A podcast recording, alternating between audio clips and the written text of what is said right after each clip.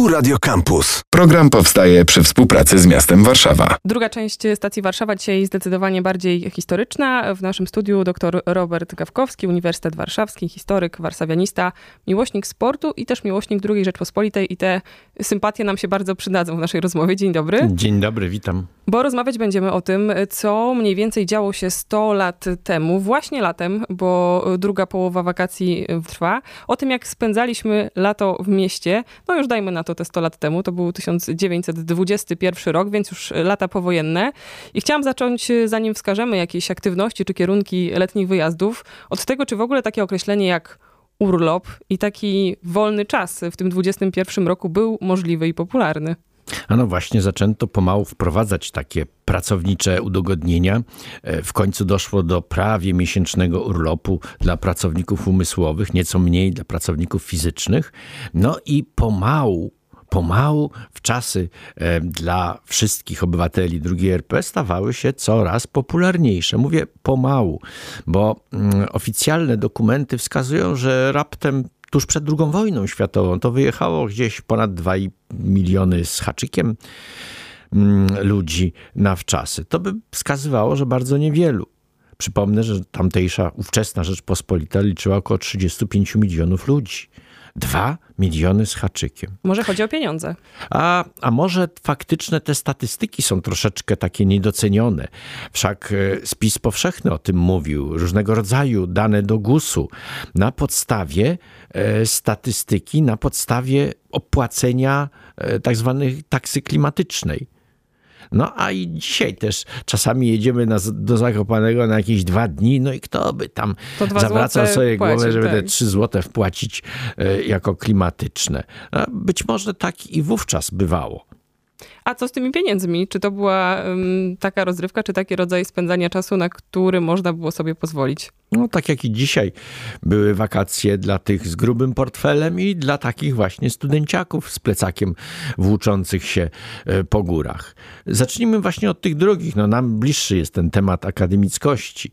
Otóż mm, studenci radzili sobie jak mogli, e, przede wszystkim łącząc się w różnego rodzaju organizacje. No, wiadomo, jeśli się zakupi e, jakiś dom, wypożyczy go się na miesiąc, no to wtedy hurtowo mamy cenę niższe. E, wolno też, a nawet trzeba zauważyć, że państwo polskie pomału też zaczynało w tej drugiej Rzeczpospolitej łożyć na, takie, na taki wypoczynek studencki, iść na rękę studentom poprzez różnego rodzaju zniżki, na przykład zniżka kolejowa. Czasami no, prześmiesznie to bywało. na przykład, jeśli się jechało w góry, w Karpaty Wschodnie, tam gdzieś 250 km za Lwów, Worochta i okolice, to już dzisiaj nie należy do Polski, to mm, student otrzymywał zniżkę i każdy narciarz pod warunkiem, że jedzie na narty, otrzymywał zniżkę e, gdzieś około 50% przejazdów e, koleją. I wie pani, co się wtedy zaczynało robić? Otóż taka przekupka, która jechała na bazar w Worochcie, kup, kupiła sobie takie najmniejsze nartki, używane, właściwie już nie używane przez nikogo, i jechała z kurą, kaczką, z jajami, ale też i z tymi małymi nartkami. Narty są znaczy się zniżka, zniżka się, należy. należy. No Dokładnie. właśnie, szybciutko trzeba było, władza zreflektowała się. Ta zniżka, o której mówię, miała miejsce gdzieś na początku lat 30. Y, i szybciutko zażądano jednak stosownych stempelków, że student jedzie na wakacje. A czy możemy powiedzieć o tych, którzy nie wyjeżdżali? Bo audycja warszawska, więc myślę o tych, którzy zostawali w mieście. Co ich tu czekało? A no właśnie. Można było wyjechać na szybki, takie szybkie wakacje gdzieś w Falenicy. Przy czym, jeśli się mówiło jadę do Falenicy. To się rozumiało często i te pobrzeża falenickie, a więc i Wawer, i Międzylesie, i Józefów, może nawet niekiedy Otwock. W każdym razie ta linia falenicko-otwocka była popularnym regionem, gdzie się e, z powodu bliskości Warszawy można było łatwo przemieścić z powrotem do stolicy. Tym bardziej, że w połowie lat 30. wybudowano e, tą linię e, kolejową w pełni zelektryfikowaną z tymi charakterystycznymi stacjami na w, w, na linii otwocko-falenickiej. No i tam Mamy w tych Świdermajerach znakomite domy zdrojowe. E, Falenica otoczona lasami sosnowymi faktycznie sprzyjała zdrowiu, w związku z tym traktowano to też trochę jako taki pobyt uzdrowiskowo-wakacyjny. E, albo jeszcze krócej, można było po prostu w sobotę czy w niedzielę pójść na plażę nad Wisłą. Na którą? Bo pewnie ich też było kilka. No, jak powiem, nad Zalewem Zegrzyńskim, to to będzie oczywiście podpucha, prawda? Bo Zalewu Zegrzyńskiego jeszcze nie było. E, to nie ta połowa wieku, e, a zatem chodziło o takie plaże, ta najpopularniejsza to Poniatówka. A w pobli od zaczynająca się od mostu Poniatowskiego w górę rzeki ciągnąca się taka przeogromna łacha piachu, otaczo, otoczona trochę takim płotem.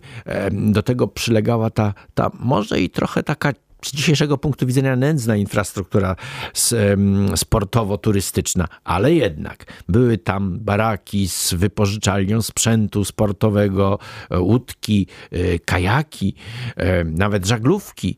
No i to w sporej ilości i za niewielki pieniążek można było wypożyczyć taki właśnie e, kajak i popływać se nad Wisłą, zrobić wycieczkę albo zorganizowaną, albo samemu. No ale to rodziło też i pewne trudności. Prawdziwi sportowcy, na przykład z Warszawskiego Towarzystwa Wioślarskiego, narzekali. W sobotę i w niedzielę latem to my nie możemy trenować na Wiśle, bo po prostu w Esy i Floresy płyną sobie radośni kajakarze. No jak nie trzymają oczywiście tej linii pływania. Niedzielni kajakarze. Tak, jak dotarłem badając ten problem takiego e, e, weekendowego wypoczynku warszawiaków, e, właśnie dotarłem do regulaminu wypożyczalni tego sprzętu sportowego. Otóż tylko w trzech wypadkach nie można było wypożyczyć tego sprzętu. Regulamin prosty jak drut. Punkt pierwszy. E, nie wypożycza się pijanym i tym po alkoholu. Punkt drugi. Nie wypożycza się niepełnoletnim. Punkt trzeci, trochę zagadkowy dla mnie, nie wypożycza się osobom nienormalnym. To jest dokładny cytat z tego, z tego regulaminu. No właśnie, co to znaczyło? Co to oznaczało? A czy poza kajakami można było z Wisły korzystać, to znaczy się w niej kąpać? Dziś tego nie robimy, ale kiedy się widuje te zdjęcia archiwalnej Warszawy, to mam wrażenie, że tam jednak przynajmniej nogi zamaczano. Tak, e, to też zależy, kiedy podpatrzymy to dwudziestolecie międzywojenne.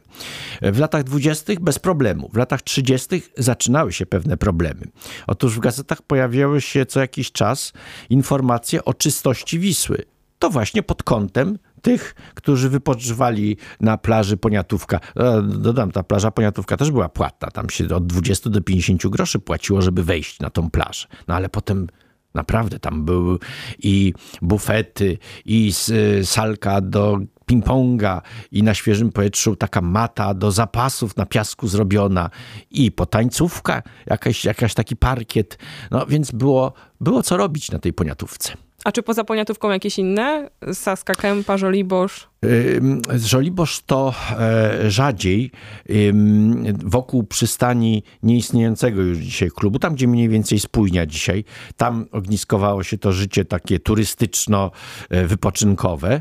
E, I nie wiem, czy pani czytała Wańkowicza e, ten, ta podróż Malchiora Wańkowicza wraz z córką na, do Prus Prus, które były wtedy niemieckie, czyli na Mazury, zaczynał się właśnie tam.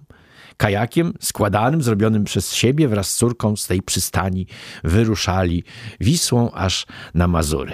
Zostawiamy na chwilę wodę. Myślę o tych, którzy się jej boją, nie pływają, nie lubią się opalać czy leżakować na plaży.